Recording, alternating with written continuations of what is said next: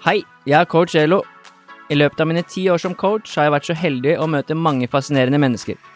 Dette er mennesker som er målretta, og som har en spesiell drive for å bli bedre. I denne podkasten har jeg fått sjansen til å sette meg ned med flere av disse, hvor de deler åpent og ærlig fra sin historie. Her deler de både erfaring og verktøy som er verdifulle for alle som ønsker å skape en forandring i livet sitt. Har du et mål eller et ønske om å forandre noe i ditt liv? Da er denne podkasten for deg.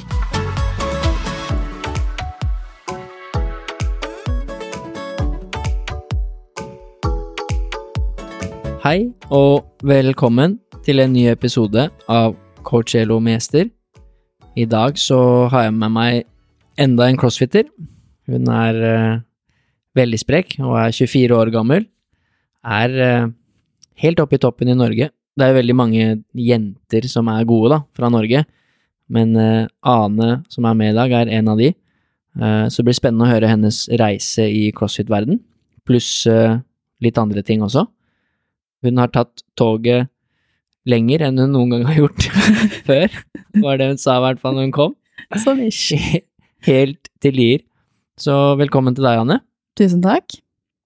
Hyggelig. Det lengste stoppet du har hatt på tog, eh, i hvert fall når du har bodd i Oslo. Det Pleier å bli til Høvik, Ja. og litt lenger. Du har vært i Asker noen ganger, da. Ja. Og så tok du enda et stopp til nå til Lier. Ja. Så det syns jeg er hyggelig, da. At Fant du, fram, da. du fant fram. Ja. Jeg syns det er hyggelig at du stiller opp. Eh, Det blir spennende å høre din historie.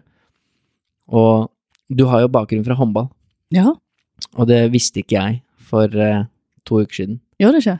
Nei. Hæ? Er du ikke fulgt med på Instagrammen min? Ja, Ikke bladd helt ned i bånn og sett alle de Nei. eh, operasjonene og det har jeg ikke gjort. Det ligger, hvis det ligger der, det har jeg ikke fått med meg. Det har du ikke fått med, nei. Jeg har jo fulgt med på Instagrammen din sånn etter jeg ble kjent med deg, men det er mest crossfit. Det er jo det. Og jeg er ikke den som sitter og blar liksom nedover. det ikke Nei, det var mye håndball tidligere der. Ja. Det er mye bilder av eh, kne på sykehus. Vet du hva, det har jeg sett eh, før. Ja. Mange ganger. Ja. Det har jeg jobbet mye med.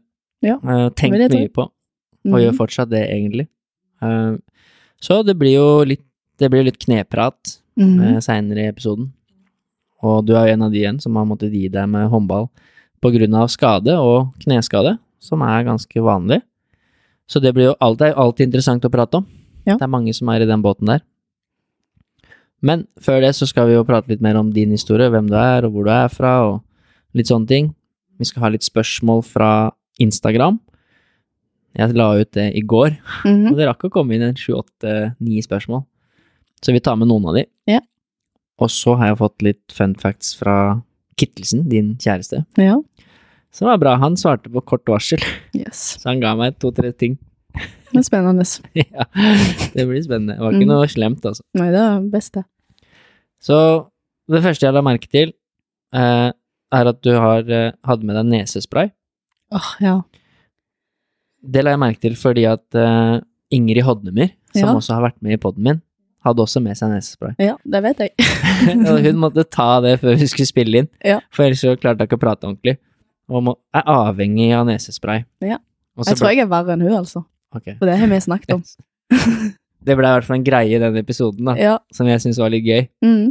Og når du satt den på bordet i stad, så tenkte jeg bare, er det sånn greie crossfit, eller hva er dette nesespraykjøret? Jeg skylder egentlig på mamma. Ok. Mamma var avhengig av det, hun opererte den nesen sin fordi altså, alt inni der var ødelagt. Um, nei, jeg vet ikke, det starta vel med en vanlig forkjølelse, da. Det var, det var ødelagt på grunn av nesespray? Ja, ja. Ja. Du du, ødelegger jo alt som er inni ja, der. men du kjører på for det? Ja, ikke hos meg, det var mamma. Ja. Ja, Men du er på vei? ja, ja men det, det er sikkert ødelagt allerede. Men eh, nei, det er faktisk mange år. Det er, og det er altfor mye. Men eh, jeg hadde en veldig god flow nå nettopp. Jeg var på vei til å slutte. Brukte den kanskje fire ganger i døgnet. Skriver ned sånn på mobilen sånn ok, nå tar jeg den klokka da og klokka da. Ble jeg forkjølt, vet du, det fortalte jeg jo her nettopp. Da er det på'n igjen. Men altså, du brukte den fire ganger i døgnet, mm. og da tenker du at du er i ferd med å slutte? er det det du mener? Ja, faktisk. Ok. Det, det starter med har ti. Ja. Så det er ille. Det er jo ikke bra. Men Nei. eh, nei, en ødelegger det, så ødelegger en det der, så en blir jo bare sponstett. Jeg kan jo repetere det jeg sa til Ingrid, som du Mhm. kanskje vet, da.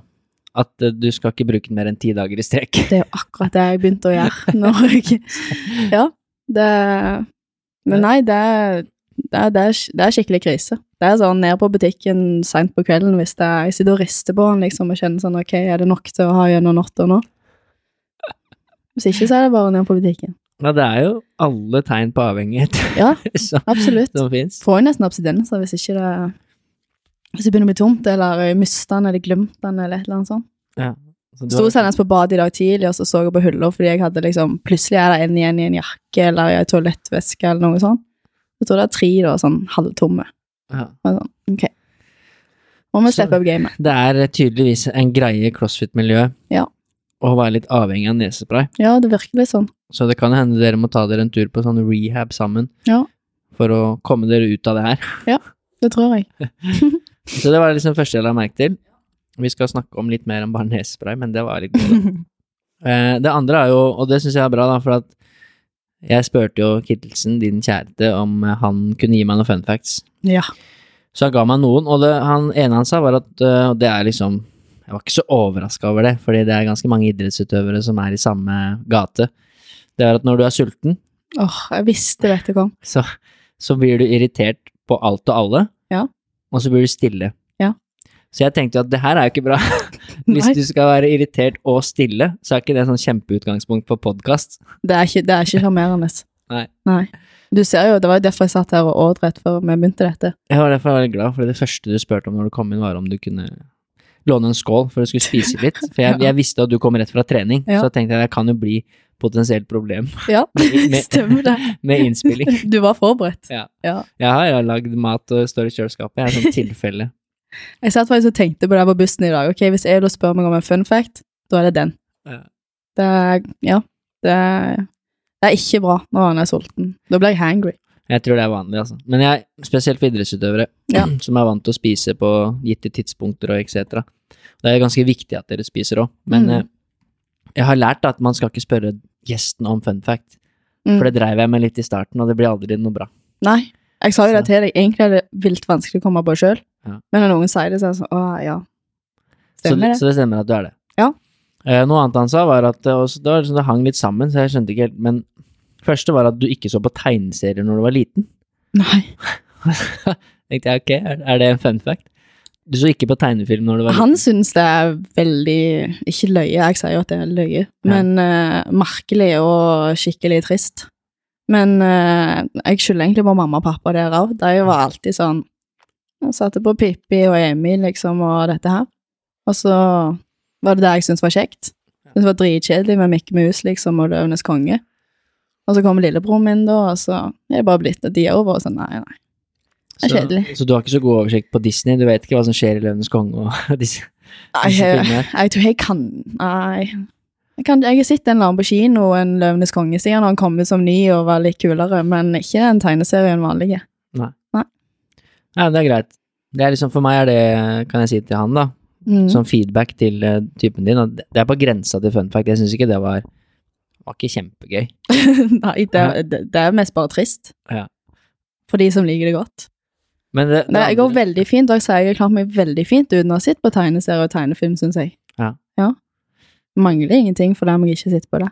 Nei, Nei. det, det gjør det jo ikke. Nei. Men uh, dere får se om dere tar en kveld da, hvor dere får liksom kjørt gjennom de viktigste. Tror meg, han har prøvd. Han har prøvd, ja. Ja. Men det, det andre der var jo at, eh, som jeg også syns er litt sånn jeg, eh, jeg vet ikke, man, man diskriminerer jo alle nå hvis man sier et eller annet, men eh, det er litt typisk jente Mm. at man ikke klarer å bestemme seg for hvilken film man skal se, eller hva man skal spise til middag. Ja. Det, det er min, i hvert fall, mitt inntrykk med veldig mange av de jeg kjenner. mm. Og det sa jo han at det er helt umulig å se video med deg, hele film. Ja, men jeg er veldig sånn Hvis jeg skal bruke to timer på å se en film, da skal ikke det være to timer der jeg waster på noe jeg syns er skikkelig dritt. Nei. Så derfor så må det være Hvis det er en kjedelig Hva heter det, trailer, så er det sånn Nei, ikke dette. Nei. Så det tar tid. Du kan sitte en kveld på Netflix og bla, og så, ja, det, kan, det kan ta lang tid. ikke finne fram, Ja. og så bare nei, faen. Ja. Ser en episode Friends, og så Ja, legger vi ja, oss. ja. Gidder ikke det. Samme med mat. Det er sånn Ja, har du noen forslag?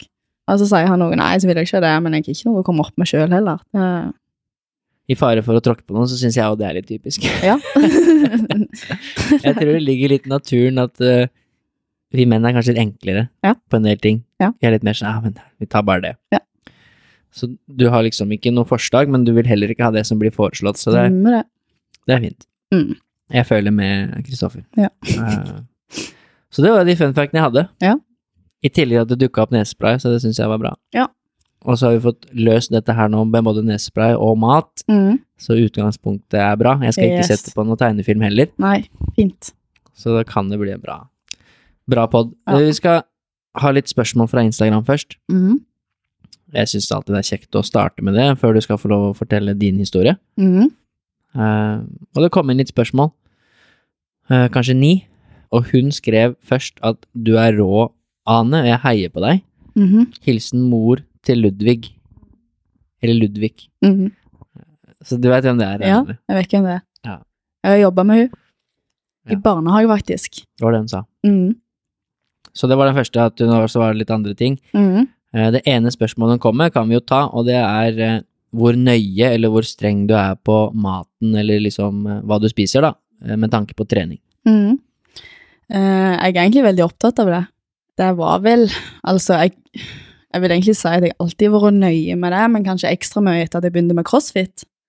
Um, og sikkert bare fordi jeg ser på en måte verdien av det òg.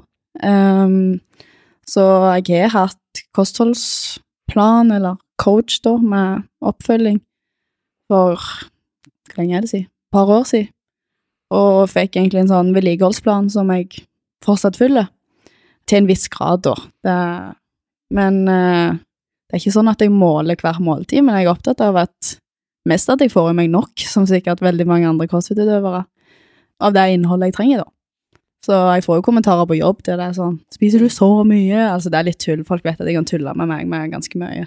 Mm. Eller klokka tre 'Spiser du igjen?' Og så hadde vi lunsj klokka halv tolv. Selvfølgelig er jeg igjen. Det er jo tre og en halv time siden jeg gått sist. Ja. Går jo på trening rett etterpå. Ja, Så ja. vi skal nok snakke litt om eh, det utover i episoden, og det er jo alltid et eh, tema med crossfit-utøvere, altså Mhm. treningsmengde. Ja. Det er mye trening. Eh, De fleste toppidrettsgrener så er det jo det. Mm. Og da er det viktig å spise nok. Men du sa det Jeg, jeg orker ikke alltid å dykke inn i kosthold, da. Nei. Men dere, dere crossfit-utøvere er jo opptatt av det sånn all over, ganske sånn. Det er mye matbokser og sånn. Ja. Det, ser, det ser du liksom ikke så mye i fotball eller håndball. Eh, også fordi at de kanskje er litt bortskjemte, og der er ofte måltidene liksom ferdig hele tiden. Ja. Men du sa at du er opptatt av å spise nok, mm. og det er jo viktig. Men mm. hvordan vet du at det er nok? Jeg har jo egentlig noen makroer som jeg skal gå ut ifra, og program, men det, det krever en del, og da må en ha tid, og det kommer veldig an på hvordan hverdagen min ser ut, eh, for det varierer. Jeg skrev nettopp bachelor, og da har jeg gode tid og kan ta meg tid til å vite at ok, dette er akkurat det som jeg skal ha. Uh, mens nå er jeg i praksis, og det er fullt kjør og jobb og trening, og dagene går i ett bankene. Så litt mindre kontroll da, men sånn ish. Ja, når man har hatt god kontroll eh, over en periode, så vet man jo kanskje litt også sånn hva man trenger. Ja. Du trenger ikke å telle makroene hver gang, Nei. for du vet sånn ish, som du sier, Mm. eh, hvor mye du skal ha i deg. Men jeg får mye kom kommentarer på de matboksene, ja.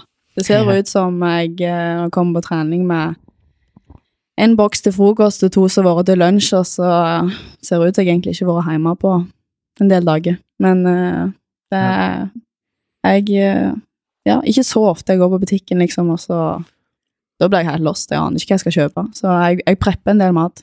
Ja. Da er det, da er det din bedre halvdel som går, høres det ut som. Som Da er det din bedre halvdel som går på butikken, og kanskje tar de valgene der. Ja, så ja. det. Ja, ja. Men eh, det er vanlig med disse matboksene. Det er jo litt sånn når man går på skole og når man vokser opp, så er det ganske normalt å ha med seg matboks på skolen. ja. Er, Men kanskje ikke tre når du kommer på trening halv fire. nei, Det er blir ikke alle liksom, som liksom- det. blir det liksom plutselig unormalt igjen når man blir voksen.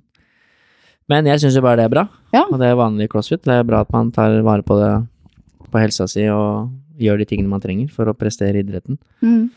Men så er det en som lurer på, som tydeligvis vet at du studerer, da, Ja. for du studerer jo til å bli fysioterapeut, ja. som spør om hvordan er det å kombinere, eller hvordan klarer du å kombinere crossfit med studie? Ja, egentlig litt vanskelig spørsmål, fordi jeg føler ikke jeg på en måte har noen oppskrift på hvordan en bør gjøre det, eller hva som er rett å gjøre, og sånn, fordi jeg syns det har vært krevende studie. Det er et studie som krever mye oppmøte, obligatorisk oppmøte på skolen. Um, og jeg er litt sånn Jeg liker best å dele øktene mine i to. Uh, og hvis en da begynner på skolen halv ni, så da må en opp tidlig og trene, da. Og så skal en studere kanskje litt etter en egentlig vært på skolen òg, og så helst ha en ei økt til. Uh, kanskje noe jobb på sida, og jeg jobber jo litt på sida. Så jeg syns det er vanskelig. Men du klarer å kombinere det, i hvert fall. Ja. Får det til. Det er jo vanlig greie med mange av de jeg har snakket om, ikke bare crossfit, men uh, litt i håndball. Mm. Uh, men mange av de jeg har snakket med, er jo også at de lever av det, og fotball så de lever veldig godt av det. Men mange av de fleste jeg har snakket med innenfor crossfit, de må jo studere eller jobbe ved siden av. Ja. Hvor det blir uh, en case at du må trene før jobb eller før studie, og etter. Mm. Og da har du ikke tid så mye annet. Nei. nødvendigvis. Nei. Det er helt sant. Så det er alltid gøy å høre hvordan folk løser det, og det er jo relativt eh, likt, liksom, som du sier, at man må jo være disiplinert og stå opp tidlig og legge seg tidlig og mm.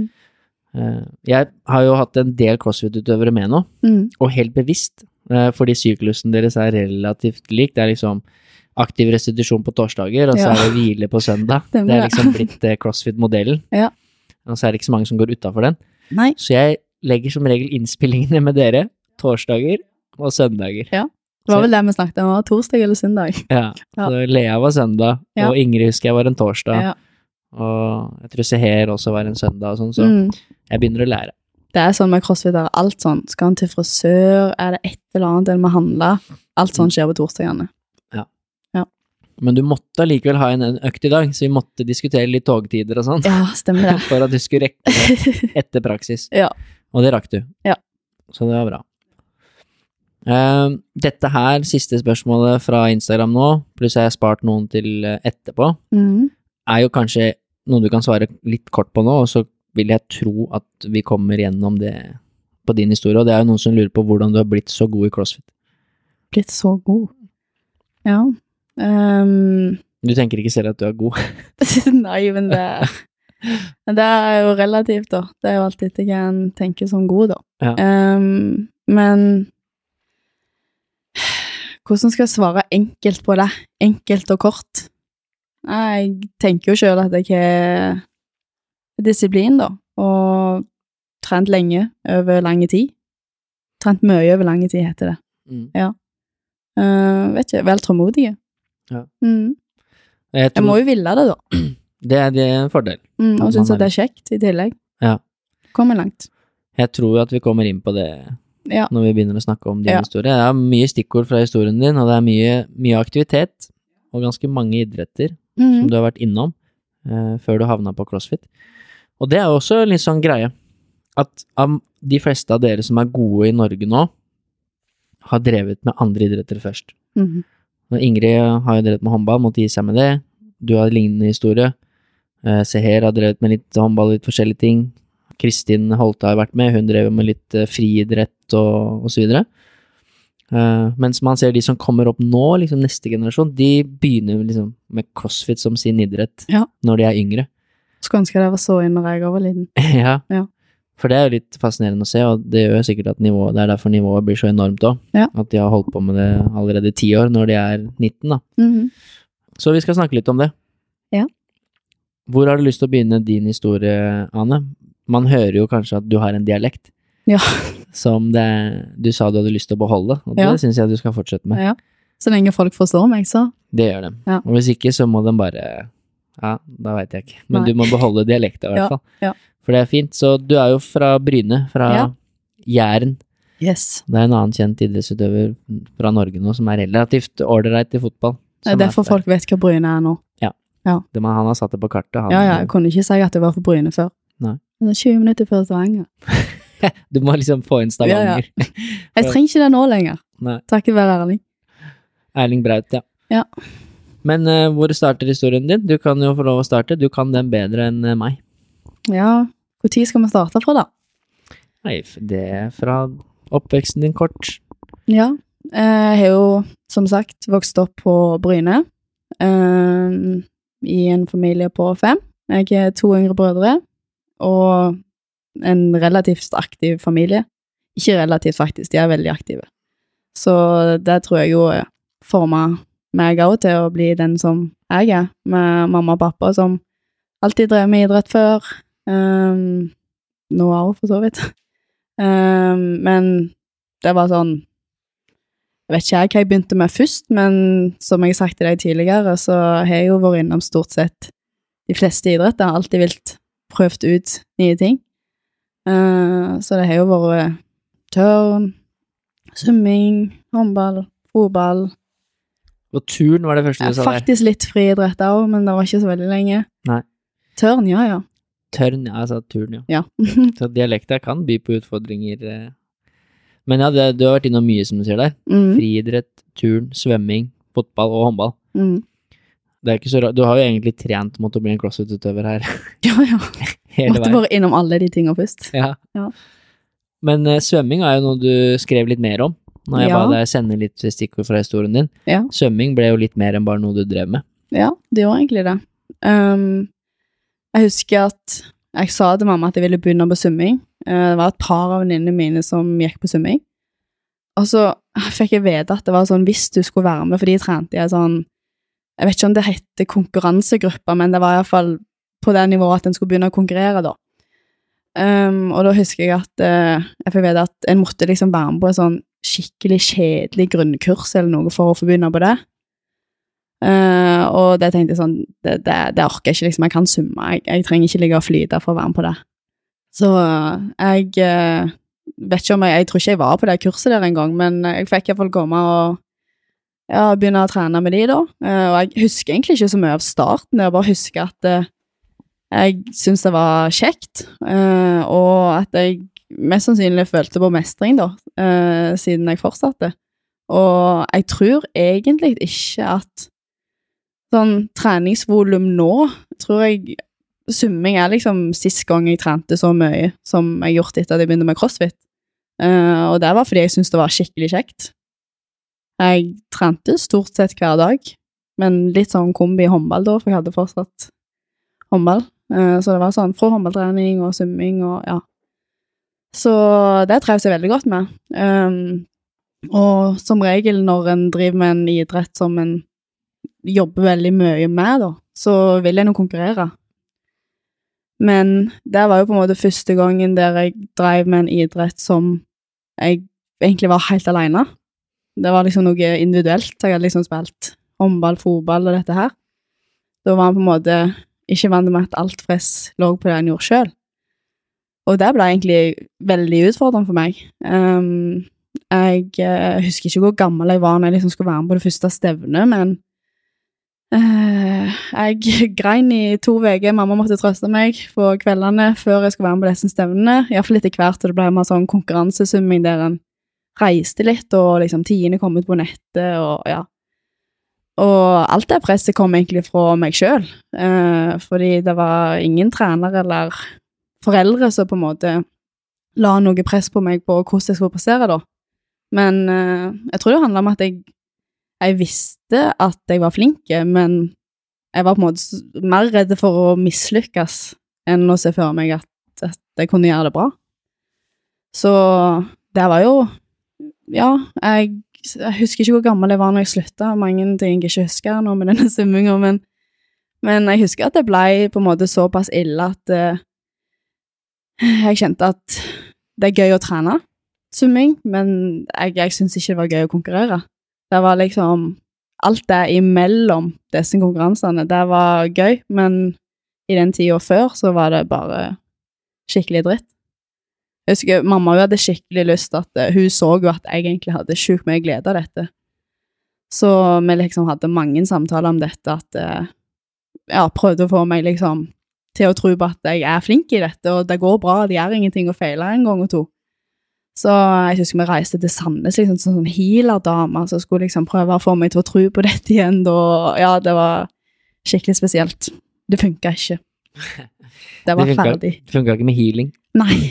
Men har du, har, har du prata noe med Åpenbart mye med moren din, da. Ja, Men med veldig. noen andre? Med, med mentaltrener eller psykolog, eller er det andre ting du måtte har prøvd å finne ut hvorfor det er sånn. For jeg tror det er ganske normalt å føle på press, da. Det tror jeg Og de tingene når man konkurrerer. Det, Ja.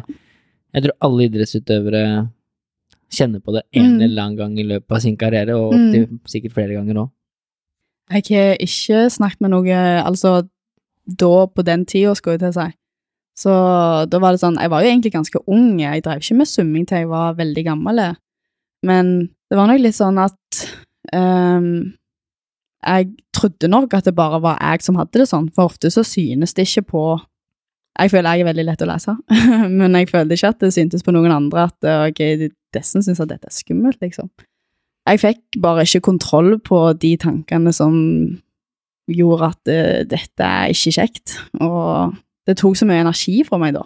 Og det er veldig dumt, fordi jeg syns jo det var sjukt kjekt, og ja. Jeg tror egentlig det kunne gått veldig bra. Ja, du, var, du var egentlig ganske god til å svømme. Jeg var god svømmerygg. Ja. Ja. Men det, Så, det ja. Vi skal jo snakke mer om crossfit etterpå, men det hjelper deg. Det er jo fint å kunne svømme med tanke på crossfit òg. ja, ja. Er det. er jo svømming der også. Ja. Så du har fått bruk for det du lærte, Heldigvis. vil jeg tro. Ja. Selv om du kanskje ikke svømmer så mye rygg når det er crossfit. Nei. det hadde blitt overraska, hvis du gjorde det. Men jeg syns det er interessant å prate om, da. Du nevner et par, et par ting der, som er det ene, som du nevnte helt i starten, var at du eh, Det var liksom den første idretten hvor du var aleine, Mm. individuelt, skulle Mm. prestere liksom i din lane. I svømming så er det jo bokstavelig talt en lane. Ja. Eh, mens håndball og fotball, så er det jo litt annerledes med lagidrett. Mm. Og når jeg la ut en sånt innlegg, jeg la ikke ut innlegg, for det gjør jeg aldri lenger, men jeg la ut en story Ja. på eh, Instagram for ikke så lenge siden, med Jeanette, som jeg Ja. coacher, som spiller håndball fortsatt, men som har begynt litt med crossfit, egentlig bare for gøy, Mm. men så har hun en toppidrettshjerne, så da måtte hun liksom ha et mål, Ja. og så blei det Oslo Throwdown, og så blei det en, en litt stor greie likevel, Mm. Og så har det vært masse ting, vi skal ikke prate om det i dag, men veldig mange av de følelsene som du følte på nå, Mm. Eh, Ja, hun har vært en av de beste i verden på det hun driver med lenge, men det er fortsatt noe helt annet Ja. enn å stå helt aleine i din lane og kun stole på deg selv, da. Og da var du en av de som kommenterte det Ja. på Instagram. Ja. Jeg husker ikke eksakt hva du skrev, men at du syntes det var fint da, og det gjorde i hvert fall et eller annet med deg når du så det, da. Ja, fordi jeg tror det vi snakket om var at det, det er nok litt sånn eh, En skal på en måte virke ganske trygge på seg sjøl, sant, fordi at det, det må en jo på en måte være òg, der og da. Um, men jeg tror at veldig mye flere enn de som uttrykker det, føler på usikkerhet, og på en måte er nervøse for ting. Det er jo normalt, men så er det jo på en måte å klare å håndtere det, da. Ja. Så det var vel det at det på en måte en kan snakke høyt om at det er sånn, og ikke tro at en, en er bare sånn sjøl. Ja, det, det tror det gjelder alle. Ja. Men som du sier, de som kanskje de som er eh, blir blant de beste, og som klarer å fortsette å være det. Det som Mm. fra meg som har vært i toppidrett så lenge, én ting er å komme liksom høyt opp, og så er det noe helt annet å, å klare å være der, da. Mm. Fortsatt hvor alle vil rive deg ned, Mm. alle vil slå deg, og så skal du fortsette å klare å være der. Det krever veldig mye mentalt. Ja. Eh, og det er nok, som du sier, de beste, de blir òg nervøse. Ja. For jeg har snakket med mange av de. Ja. Men som du sier, de håndterer det bedre, kanskje, da. Mm. De har Absolutt. verktøy og teknikker som gjør at de klarer å uh, roe seg ned og tenke på det de skal gjøre, arbeidsoppgaver osv. osv. Uh, men vi kommer mer inn på det etterpå, med det uh, som handler om press og forventninger og sånne ting. Mm. Det ble jo så ille at du valgte å slutte. Ja, med håndball. Eh, eller du valgte å ja, slutte nei, ja, svømming vi snakket om. ja. Ja. med Ja. svømming, Ja. og så satsa du håndball Ja. isteden. Det var liksom litt sånn kombi med de tingene, men når jeg holdt på med svømming, så var det det som var prioritet N. Mm. Uh, så jeg klarer ikke helt forstå hvordan jeg klarte å kombinere det, for jeg var mange timer i det bassenget, liksom. Sikkert for mange òg. men nei, det, det, det ble bare too much. Jeg eh, klarte ikke å se at jeg på en måte skulle klare å bli kvitt alle disse tankene som jeg lagde meg sjøl. og kunne sikkert egentlig bare tenkt at jeg kunne holde på med dette for å bare trene og ha det kjekt. Men jeg er litt sånn at hvis jeg skal gjøre noe, så vil jeg bli flink i det. Jeg vil liksom ikke gjøre noe bare sånn for kjekt og gøy. Så det Jeg husker ikke dagen det liksom var sånn at oi, nå, nå var det siste gang jeg var i det bassenget, liksom. Men eh, det ble vel litt sånn sakte, men sikkert. Ja. Kanskje jeg hadde skada litt mindre kne hvis jeg bare hadde fortsatt der. Det er ikke så mye kneskader i svømming. Eh, jeg har ikke oppdatert på statistikken der, men jeg tror ikke det er like mye som det er i håndball. det tror jeg ikke. Men hva, eh, hva jeg skulle spørre om? Ja, du sa at du, du likte veldig godt å trene. Ja. Eh, du syntes det var eh, slitsomt med konkurranser Mm, og press og forventninger som du egentlig satte på deg sjøl, mm, men allikevel så ville du, som du sier, du ville konkurrere mm. også. ja. Det var ikke nok å bare trene. Nei, men det er jo litt det, sånn, når en holder på med noe, og sånn, innerst inne så visste jeg jo at jeg egentlig er jeg flink, og at jeg kan bli flink. Mm. Men allikevel så var det på en måte bare det Ja, bare det å se føre seg den konkurransen, og liksom den fløyta som går, og stå der på den pallen med alle de andre, og så bare Jeg tror det er litt sånn på en måte summing av sånn Der og da så vet en at ok, dette blir vondt, liksom. sant? Jeg skal ha det vondt. sant? Så er det sånn jeg, jeg tror bare ikke jeg klarte å sortere ut hva jeg egentlig var redd for. Så sånn i ettertid så burde jeg jo absolutt sikkert ha snakket med noen som kunne få meg til å forstå litt sjøl hva er det egentlig alt dette inni hodet mitt dreide seg om. Ja, det er alltid enkelt å være etterpåklok, Ja. men så tror jeg, eh, for det begynner å bli en gammel mann jeg også, Mm. og har snakket med mange idrettsutøvere, at eh, det er jo det som er en del av læringa òg, Mm, absolutt. å faktisk gå gjennom de tingene der. Mm, Du vil aldri kunne ha noen som kan for, hele tiden fortelle deg liksom hvordan det er å mislykkes, eller hvordan det er å eh, gå gjennom kjærlighetssorg, eller så du må oppleve det. mm, Og så kan du lære etterpå. Du er jo fortsatt veldig ung, ja. og da var du i hvert fall ung. Ja. Så jeg tror litt med det at det er også det er vanskelig når man er i den alderen, å skulle ta inn over seg alle de følelsene og tankene og Mm. ha kontroll på det. Hadde liksom ikke hørt så mye om sånn mentaltrening og sånn da, sant. Eh, Det er liksom, iallfall for min del, kom mye mer da i seinere tid. Mm. Så Det er faktisk en av de tingene jeg er veldig imponert over over han andre vi snakka om i stad, som er fra Jæren, eh, Braut Haaland. mm. At han er jo fortsatt bare, bare er 21 eller 22 år eller Ja, noe. han er men- to år yngre enn meg. Ja, Jeg er men 24. virker så sterk mentalt. Det presset han har på seg, er jo enormt. Ja, ja. Så ja, det har sikkert gått noen runder han òg, med ting. Ja, Men uh, han er nok nervøs, han òg. Men Ja. han virker, som du sier, veldig selvsikker. ja sant. Uh, Men det er jo alltid sånn, en ser på Det er jo sånn jeg tar meg sjøl i òg, at det, en Sånn som jeg sa litt, en ser på andre, og så er det sånn Både sånn ok, de, de ser sjukt mye bedre ut enn meg. Det tror jeg meg, det har jeg snakket litt om tidligere, at en på en måte ser rundt på alle de andre og tror at at de ikke føler på noe av det samme som en føler på sjøl, og ja Tenker fort at alle andre er verre enn seg sjøl, da. ja, man lager mye sannheter. Ja. Vi snakket jo litt, Det var en av de tingene vi snakket litt om, det, med det med Jeanette og når du kommenterte der. Mm. For vi fløy jo rundt inne på oppvarmingsarealet bak der og, og så på alle Ja, ja. vi skulle konkurrere mot. Bare, fy faen, så gode den andre ja, de er lavere enn meg, og de Ja. er liksom kortere vei, og det har vært så mange ting. Så det sånn, men du skal stake og sykle, det er en fordel å være lang. Ja. Det var kjempebra. Mm, Men det. er jo normalt, tror jeg, Mm, å gjøre det. Ja. Men likevel, da. Du valgte jo å gi deg med svømminga, og så satsa du på håndball. Ja. Og da hadde du moren din som trener. det stemmer. Så hvordan er den reisen her? Fordi du, det står jo at du fikk en første skade når du var 15 år. Mm, Og det er jo ganske ungt å få en sånn skade. ja. Det var litt sånn Mamma har spilt håndball sjøl. Eh, det var sikkert mye av grunnen til jeg begynte på håndball òg. Det var liksom hun som fikk i gang at vi danna et lag, da. Det var litt sånn når jeg kombinerte med svømming. Så jeg har jo sett hennes kne, og hvor mange operasjoner som har vært i det kneet, og hørt om dette smellet når en ryker korsbånd og alt det her. Ja, at jeg har hørt alle disse historiene til mamma. Um, men det er sånn, nå om dagen når hun spiller håndball, så trener jeg mye mer styrke, alle disse tingene her, enn det hun gjorde når, når hun spilte håndball da, aktivt. Så det som jeg husker var at, eh, eller jeg husker det jo veldig godt, jeg skulle være med på en kamp, en veldig uviktig kamp, Uh, uh, og var liksom, var ganske i slutten av kampen også. Skulle jeg ta en finte som jeg og mamma hadde drilla ganske mye på, og jeg skulle liksom, ok, dette var en kamp der jeg kunne trene litt på dette, da.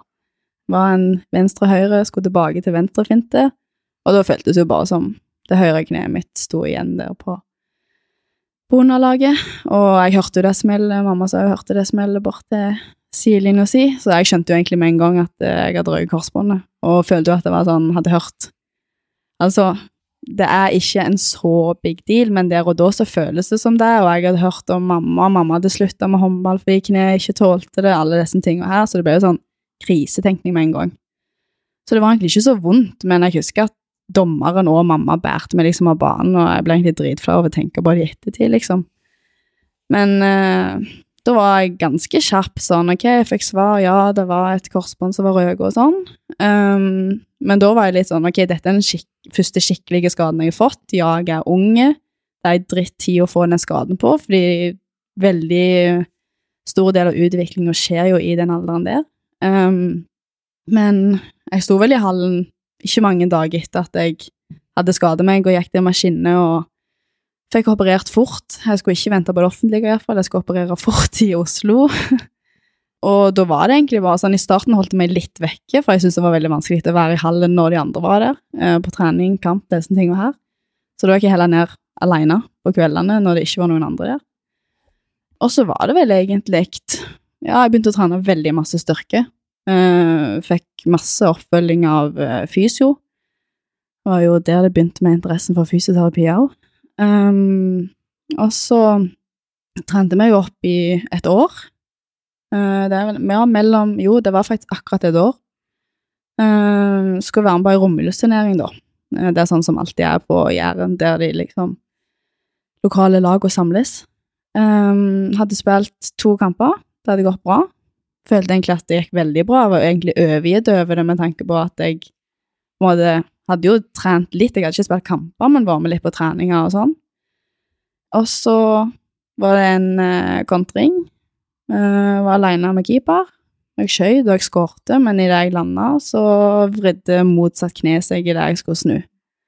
Og uh, tror meg jeg har snakket om det tidligere, eller at jeg Det er ikke tull engang, men jeg drømte den natta at det skulle skje. Um, og det er litt sånn Det er sikkert ganske normalt å tenke tenke, fordi det blir jo sånn at det setter seg litt i hodet. Ok, jeg skal gjøre dette igjen, og en vet at når en tar en finte eller lander brått, så det er masse kraft, liksom. Det utvikler seg. Men jeg hadde ikke så vondt da. Uh, da gikk jeg av banen sjøl, husker jeg, og tenkte sånn nei, dette, dette kan ha gått godt, liksom.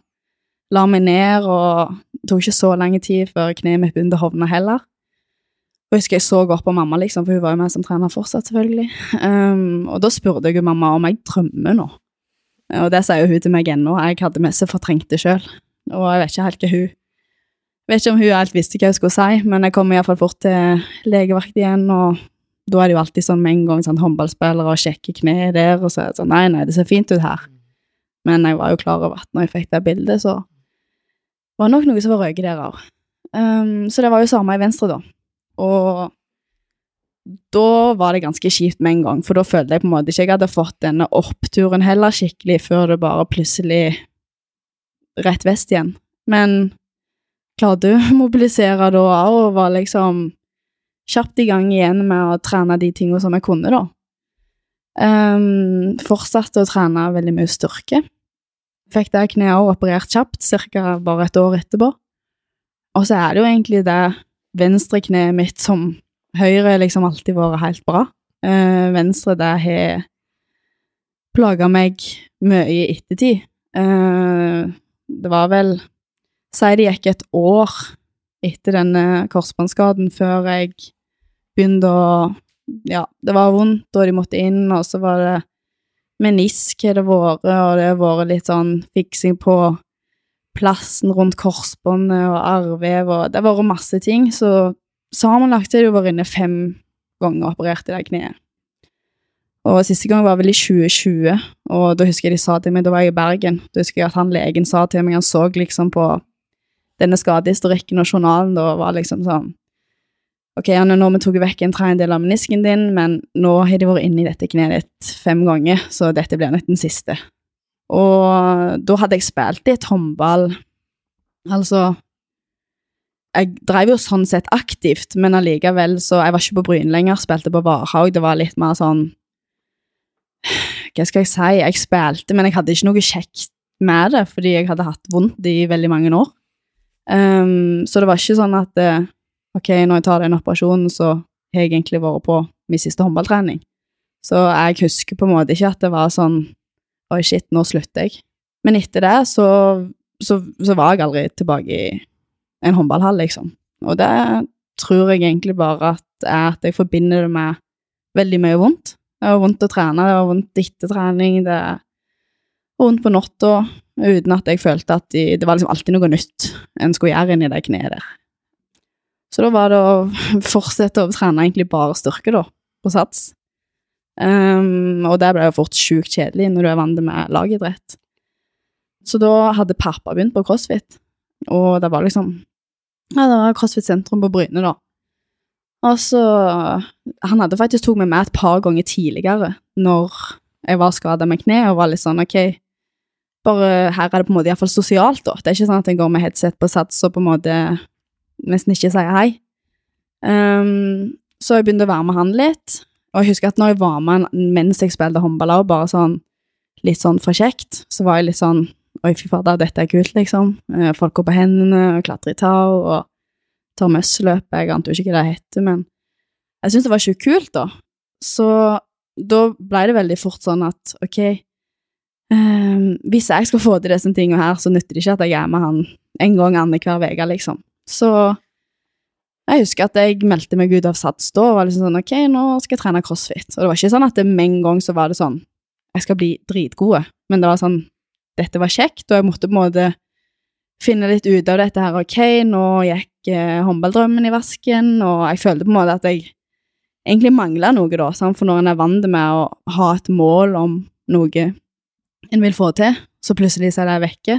Så det var ikke sånn på en måte nederlag det å slutte med håndball, men det var likevel sånn at jeg følte at jeg leide etter noe annet å få til, da. Eh, jeg eh, hadde nok fordel av å på en måte Jeg hadde drevet med summing, eh, jeg hadde holdt på med håndball og trent veldig masse styrke på overkropp når jeg skada kne, og selvfølgelig beina òg, da. Men når jeg startet på crossfit, så var det sånn Jeg fikk fort til ting fordi at jeg på en måte hadde den styrken i bånn, da. og altså, når en får til ting, så kjenner en på mestring. Uh, så det tok ikke så lang tid før jeg Husker ikke jeg årstallet jeg var med i den første Open, kan det være 2018? Men det var sånn, da hadde jeg jo ikke peiling på hva jeg drev med. Jeg husker jeg tok strikt ringmusseløp og sånne ting, liksom, men, men det var likevel Likevel sånn Gå på hendene, det var sånn, det fikk jeg til, fordi det hadde jeg holdt på med tidligere og sånn. Uh, men det ble iallfall fort noe som jeg syntes var veldig kjekt, og på en måte Jeg føler litt på det samme som jeg hadde gjort når jeg sumte, at det var sånn jeg har lyst til å gå ned her på trening, liksom. Jeg har lyst til å gjøre dette. Eh, fortsatt dødsnervøsen før den open, alt dette her, men eh, da følte jeg allikevel det var sånn Jeg var nybegynner, det går liksom Det går fint. jeg har ikke holdt på med dette så lenge. Sånn, jeg finner masse sånn unnskyldninger for at det gjør ikke noe om det ikke går så bra. Men da var det egentlig gjort. Da ble det bare mer og mer trening. Jeg husker jeg begynte på Mayhem-program liksom med en gjeng, og det var liksom flere andre også som trente tidlig på morgenen før jobb, og så jeg hadde Ja, var vel et par-tre år der før jeg flytta til Oslo, der jeg ja, fikk meg coach, liksom, og ja, begynte å trene mer seriøst, da.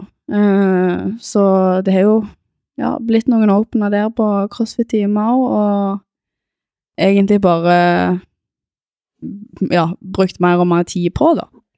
Så ja. Vi skal snakke mer om CrossFit, Anne. ja. Men jeg syns jo det er gøy.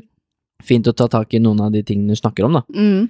Jeg vet ikke om jeg reagerer riktig lenger når folk snakker om kneskader, fordi at jeg Altså, det har vært en del av hverdagen min Ja. de siste ti årene. Mm. Alle de tingene som du sier der.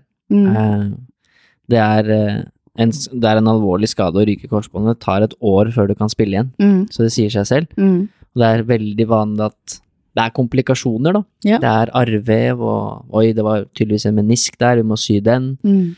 Alle disse tingene er veldig normalt, så det har blitt litt sånn hverdagslig for Ja, meg. ja. Jeg følger opp fortsatt en nå, som eh, akkurat nå, faktisk, for en uke siden, måtte inn og operere på nytt og fjerne arrvev. Mm. Og var egentlig veldig, veldig godt i gang, og hun er vel 17, 17 år eller noe sånt, 16-17 år. Mm. Eh, Det er en veldig mental påkjennelse å hele tiden eh, få disse tilbakefallene, og når du tror du på en måte er bra igjen, så Mm. skjer det noe annet. Mm. Eller Jeg hadde liksom Jeg tror det var um, Jeg lagde en gang en sånn kollasj for meg sjøl, egentlig. Bare sånn for å se hvilke datoer og hvor lang tid det er gått imellom her med disse operasjonene. Og det var hvert halvår var det etter det på en måte den gangen i Det ble vel 2016, da, når jeg røyk det, det venstre. Og da blir det veldig sånn, sant, jeg på en måte bygger seg litt opp, kommer akkurat litt ovenpå, og så er det tilbake igjen. For, det jo, for om det ikke er store inngrep som er blitt gjort etter korsbånd, så er det på en måte noe som gir deg en setback uansett, da. Ja, absolutt. Det er, den- slitsomt. Ja, den mentale biten med det også, at du, Mm. Ja, en ny, et nytt slag i trynet, da. Ja. Eh, når du liksom har holdt på allerede veldig lenge. Mm. Og jeg har også vært borti mange som har trent godt et helt år, kommer tilbake, Mm. og så enten ryker det på nytt, eller så ryker det andre. Ja. Det er også liksom mye statistikk på. Ja. Jeg synes det var så urettferdig, for jeg tenkte sånn Jeg har gjort alt rett, jeg har gjort alt denne fysen har sagt. Jeg er sterk, liksom. Jeg er egentlig ikke en kropp som sånn sett er utsatt for det. Um, så, men det er jo sånn av og til. En føler det er urettferdig. Så tenkte jeg sånn, hvorfor kan det ikke skje med noen som ikke syns dette er så kjekt som jeg syns, liksom? Det er stygt å tenke, men, men ja. Det, ja. Men du hadde jo, eh, igjen, vi skal ikke bare snakke om korsbånd, men du hadde jo en mor som hadde hatt en del kneskader. Mm. Eh, Og det er en veldig stor og viktig faktor også, Ja. at nær familie også har hatt det. Ja, og de aller fleste, jeg. de aller fleste jeg har trent som har hatt korsbåndskader, har nær familie som har hatt det samme. Mm. Uh, Så det er noe der, og det kommer stadig ny forskning på det. Tredje gangen jeg skylder på henne i denne episoden. Ja, Ja. det er det du har fått fra moren din, er Ja. korsbåndskader, nesesprayavhengighet, og Siste ting var tegneserie. Ja, Mhm. det er mye greier. Ja. Men, Men hun var veldig god òg, da. ja, det Ja, tror hun er jo heldigvis skjønt det, Ja. når det er skjedd, at dette er dritt og ja, alle disse tingene her. Hun har støtta deg. Ja, ja, hun fikk, uh, hun fikk tak i Torir, husker jeg, og så snakket han med Karoline Dyhre Breivang. Hun Ja. òg skada knærne en del ganger. Og så var det plutselig en dag så sa hun til meg at Anne, du må ha lyd på telefonen i dag. Og dette var nok etter jeg hadde røket det andre, ganske kort tid etterpå. Og da husker jeg hun ringte meg, og vi snakket i, jeg vet ikke, kanskje en halvtime. Og jeg skalv sikkert så bare det, fy fader, jeg skal snakke med hun. Men da var det litt sånn, Det litt sånn pep for, eh, ja, hva, hva tenker du nå, hvordan skal du gjøre nå, ja. En liten lapp av Nora Mørk, liksom, lykke til, han heier på deg. Ja. Men det, Nora det er jo sånn som betyr altså. mye når en er på den alderen, da. Og iallfall det som jeg hadde vært gjennom da. betyr nok mye uansett, Ja. men uh, Nora Mørk vet også hvordan det er å skade Ja. knærne. Stemmer det. Jeg opererte med x antall ganger, ja, hun også. jeg tror hun slår meg. Ja, antall operasjoner, men ikke kanskje like alvorlige, men ja. Ja. Uh, uansett, da, det er viktig å huske når du blir, eller egentlig så er du allerede veldig god i crossfit, Mm, at du også gjør det mot kanskje noen andre, da. Ja, absolutt. Ja, du vet hvordan det kan føles. Mm. Eh, Du start, innleda jo litt denne episoden her med å si at du ikke var så god i crossfit, sånn indirekte. så det ligger noe der, Anne. Du er Ikke veldig- flink å skryte av meg sjøl. Nei, Nei, men det det, er ikke det. det, det er ikke skryt, da, men at man eh, Det er viktig å også tenke at man er god. Ja. Spesielt når man er det. Ja, ja. Eh, Det er veldig viktig. Men det er, det er flere i crossfit-verden da, Mm, som har lignende historie som deg. mm, Jeg har jo hatt med flere av de som gjester, blant annet Ingrid. mm, Eh, Det var veldig sårt for henne også å gi seg med håndball. mm, Da var det faktisk ikke kne, da, men det var skulder og akilles og litt sånne ting. mm, Eh, Hun fant jo også crossfit litt på den måten at eh, litt sånn plutselig, Mm. og så var det veldig gøy, mm. og så ble man hekta, og så får man veldig sånn mestringsfølelse tidlig, fordi at du er jo allerede godt trent, du har et bra grunnlag, så du har godt utgangspunkt for crossfit, da. Eh, og det ser man med flere. Rikke som er med i vårt uh, Team Actic, Ja. hun har jo også skadet knærne og Mm. uh, begynt med crossfit og gitt seg med håndball og sånne ting, så det er mange som er i den, den samme settinga der. Mm. Hvordan var det for deg å liksom Du sa at det var ikke så nederlag å gi seg med håndball. Mm. Det var mer kanskje søken etter noe annet? Ja, jeg tror det. det. Um, jeg, det var nok litt det. sånn, mamma hun var jo fortsatt med som trener alle disse årene når jeg var skada, liksom, og var fram og tilbake og kunne spille og la, la, la. Men hun var jo alltid sånn at du skal jo synes det var kjekt. Uh, og jeg tror hun så, altså hele familien min så at jeg syns ikke det var kjekt lenger. Og det handler jo om at jeg var sånn, jeg følte jeg måtte velge om jeg skulle på håndballtrening eller om jeg skulle på jobb. Altså, jeg måtte jo på jobb, men sant, du skjønner hva jeg mener. Jeg hadde så mye vondt, og jeg ville si at jeg har ganske høy smerteterskel. Men det var på en måte så mange år med så mye vondt og så mye Paracet og dritt, så var det etter hvert sånn at eh, jeg vil på en måte ikke si at jeg ga opp, men det, det var jo egentlig det jeg gjorde. Eh, det var jo mer sånn at eh, ok, jeg tenkte ikke på at ok, jeg skal ha disse knærne når jeg er 80, det var ikke noe sånn. Det var bare at jeg må gjøre noe som dere kan tilpasse mer, da. Fordi det er på en måte ikke sånn på en håndballbane at du bare kan Nei, jeg gidder ikke ta den finten der, eller jeg gidder ikke ta det hoppet der. Eh, det må liksom Så det Jeg tror det var litt fordi at det ikke var sånn at uh, noen sa til meg at nå må du stoppe. Altså, det sa de jo selvfølgelig når jeg kom og drøye korsbånd og var 15 og 16 år, så er det sånn ja, vi anbefaler deg at du ikke spiller håndball lenger. Og hylgrein der og syntes det var dritteit at de sa det uh, til er 15 og 16 år gammel jente. Uh, men jeg føler mer at det, det kanskje hadde vært litt en prosess som jeg på en måte hadde bearbeida litt på veien, og på en måte kanskje ikke egentlig sjøl innsett at kom til å komme, um, men som var litt sånn Ok, jeg hadde ikke lyst til å gå inn i en håndballhall, liksom, i det hele tatt. Og så kanskje heldig med at jeg på en måte allerede hadde blitt litt introdusert for crossfit, og sett at ok, der finnes andre ting enn håndballer. Um, så det er sånn mamma har spurt meg mange ganger i ettertid, spesielt på en måte det året etterpå, da, liksom, er det sånn at du ser for deg du kan spille håndball for kjekt eh, etter hvert og sånn, men aldri savna det, faktisk. Og aldri hatt lyst heller, igjen. Jeg har aldri spilt Aldri vært på ei trening eller spilt en kamp etter det, egentlig. Nei, det kan jo Var ganske tyde, ferdig med. ja, tyde på at det var riktig valg, i hvert Ja, fall. det er ikke noe tvil om det. Og så er det jo, som du sier, det, det er en påkjenning for kroppen. Ja. Og så er det faktisk, det er jo litt eh, utfordrende å spille håndball bare for gøy òg. Ja. Det er liksom ikke bare å gå og spille fotball på Løkka. Du må, du må ha et lag, og du må, det er liksom det er veldig, Du må være organ, veldig organisert Mm, da, for at det mm. skal være noe vits å spille håndball. Mm. Du måtte liksom være på en måte med et lag som ikke var sånn Skulle opp og fram, da, så veldig bare sånn Mm. for kos. Men uh, det Det er jo litt sånn, du hører jo det på alt jeg har fortalt, at jeg er jo ikke den personen som syns at jeg, jeg liker ikke så godt å holde på med ting bare for kos. Det, jeg vil at det skal skje noe. Jeg vil på en måte ja, spille med andre òg, eventuelt som Eller være med andre som har litt samme visjon som meg, og vil, vil det samme. Mm. Vi kommer, vi kommer faktisk litt tilbake til eh, skaden din, Mm. fordi det preger deg litt enda. mm. Og så kommer vi litt tilbake til det med, med press og disse tankene, forventningene forventninger man setter på seg selv. Mm. For du har jo tatt det med deg litt inn i CrossFit. Ja. Eh, Men før det så vil jeg jo at du skal fortelle om den overgangen til CrossFit, da. Ja. Du var liksom, som du sa, du ble hekta på det. Mm. Du fikk mestringsfølelse. Mm. Du ble med på Open og drev med strikte ting, Ja. som, som er vanlig i starten. Nå er jo i 2022, Mm. og nå i år så var du med i NM individuell, du var med i NM for team. Mm. Eh, Du er liksom topp 20 i Norge, Mm. og kanskje topp 15 nå, eh, av liksom de beste utøverne. Så hvordan har den veien vært, da, fra det, hvis vi snakker litt om deg som crossfit-atlet, da? Ja. Um, nei, som sagt, så Det tok ikke så veldig lang tid før det var sånn at det, Ok, dette kan jeg potensielt bli litt flink iallfall. um, jeg eh, Altså, Bryne er lite, det skal jo sies. Det er ikke sånn at uh, Kanskje jeg ikke hadde tenkt det hvis jeg hadde begynt rett på CrossFit Oslo i Sett alle disse som på en måte, ja, store guttene og jentene, da. Um, men, uh, men der så var det på en måte Det var miljø for å trene bare for kjekt. Men akkurat da, når jeg begynte å på en måte ville trene litt mer, så, så ble vi på en måte en gjeng som ville litt det samme, da.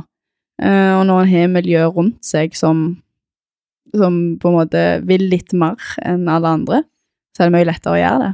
Um, og det hjalp jo at pappa var der. Det var på en måte Det var trygt. Um, han òg er på en måte Han er aktiv, uh, ville trene mye, så det var enkelt å, å få med han ned, da. Så ja, som sagt, jeg, alle snakket om open, liksom, og skjønte ikke hva open var, men det var på en måte greit siden det ikke var en sånn fysisk konkurranse der jeg skulle reise en plass og stå alene, uh, iallfall når jeg var relativt ny, da. Eh, så jeg ble med på det, og da var det litt sånn Ok, jeg fikk en eller annen score i verden og Norge og sånn, men det sa meg jo ikke så mye, for jeg ante jo ikke hvem alle disse andre folka rundt i Norge var som holdt på med dette. Um, men crossfit-miljøet er jo på en måte sånn sett lite i Norge, så der blir en ganske fort introdusert for, da, når en ja, begynner å følge litt med, og begynner etter hvert å se litt på andre konkurranser sånn som var. Um, så jeg var vel med på Kvadraturen Showdown i 2019 som min første sånn skikkelig konkurranse, da. Og da hadde jeg jo trent i ja, iallfall ett år, sånn greit, og kunne de meste ting og sånn. Og da fikk jeg jo skikkelig mersmak. Det var en teamkonkurranse, da, vel å merke. uh, og det syns jeg var sjukt kjekt. Um, det, var, det Kvadraturen er jo i Kristiansand. Ja, stemmer. Mm, 2019. Ja. Så da så jeg nok på deg, uten at jeg visste at det var deg. Ja. For jeg bodde i Kristiansand da. Ja. Jeg har sett uh, de fleste av de konkurransene. Ja. Så der òg var det litt sånn tilfeldig. Noen trengte en step in, og så skulle jeg se på uansett. Og så var det sånn, ok, kan bli med på det. Og litt trygt at det var i lag med ei annen da, som jeg kjente. Men um, etter det så Det ga jo mersmak. Jeg syntes det var sjukt kjekt å konkurrere på team, uh, og tenkte sånn Jeg har liksom vært sånn at å, jeg må kunne alle ting før jeg skal på konkurranse. Men det har jeg jo funnet ut at en må jo ikke det. En lærer med å være på konkurranser og se ok, hva, hva, er det, hva er det jeg må jobbe med, og ja. Um, så jeg tenkte da at nå kan jeg nå kan jeg melde meg på konkurranser, på en måte finne litt ut av hvor, hvor er neste, og alt dette her utenom sånn open og sånn, for det er liksom en gang i året. Og ikke bare sånn internkonkurranser som er rundt lokalt. Um, men det tok ikke så lang tid før korona kom oppi dette her. Uh, så der var jo en NM-kvalik til det NM som egentlig skulle være sikkert i 2020, som da ble utsatt og utsatt og utsatt. Um, så det var litt sånn Jeg følte at jeg skulle Hadde bestemt meg for dette året, skulle jeg på en måte etter Kvadraturen, da, som var i desember, så skulle jeg bli med på masse konkurranser og lære masse nye ting. Uh, men det ble jo egentlig ingenting av, uh, så da ble det et år med masse trening, da. Men i alle fall så eh, kom jeg jo inn på fysioterapi denne sommeren, og har alltid hatt veldig lyst å flytte til Oslo, eh, så det var jo midt i blinken for meg. Eh, da husker jeg at jeg begynte å savne litt det der å trene med folk som kanskje ville enda mer uh, enn det folk på Bryne ville. søkte på en måte noe litt større. Um, så jeg husker jeg syntes det var dritskummelt å skulle begynne på CrossFit Oslo, men jeg tenkte litt sånn at hvis jeg vil bli flink, så er jeg nødt til å trene med folk som er bedre enn meg. Uh, og samme med konkurranser sånn òg. Det var vanskelig for meg hjemme å finne noen som ville være med på konkurranser, og som på en måte følte at de kunne det, da. Um, så det tenkte jeg jo at det får jeg jo muligheten til når jeg flyttet til Oslo. Så der ble jeg egentlig ganske fort kjent med Mariann Johnsen. Og jeg husker at hun spurte meg om jeg skulle gå team til NM-veka. Og jeg var litt sånn Jeg hadde liksom jeg hadde jo kvalifisert meg til NM året før, men det hadde ikke vært noe NM-veke, så jeg var sånn ja, ja, hva er dette, liksom?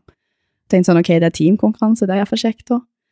Uh, men det er jo altså det samme som når en kvalifiserer seg til NM, men det er en konkurranse der en er to jenter sammen, da, eller eventuelt to gutter.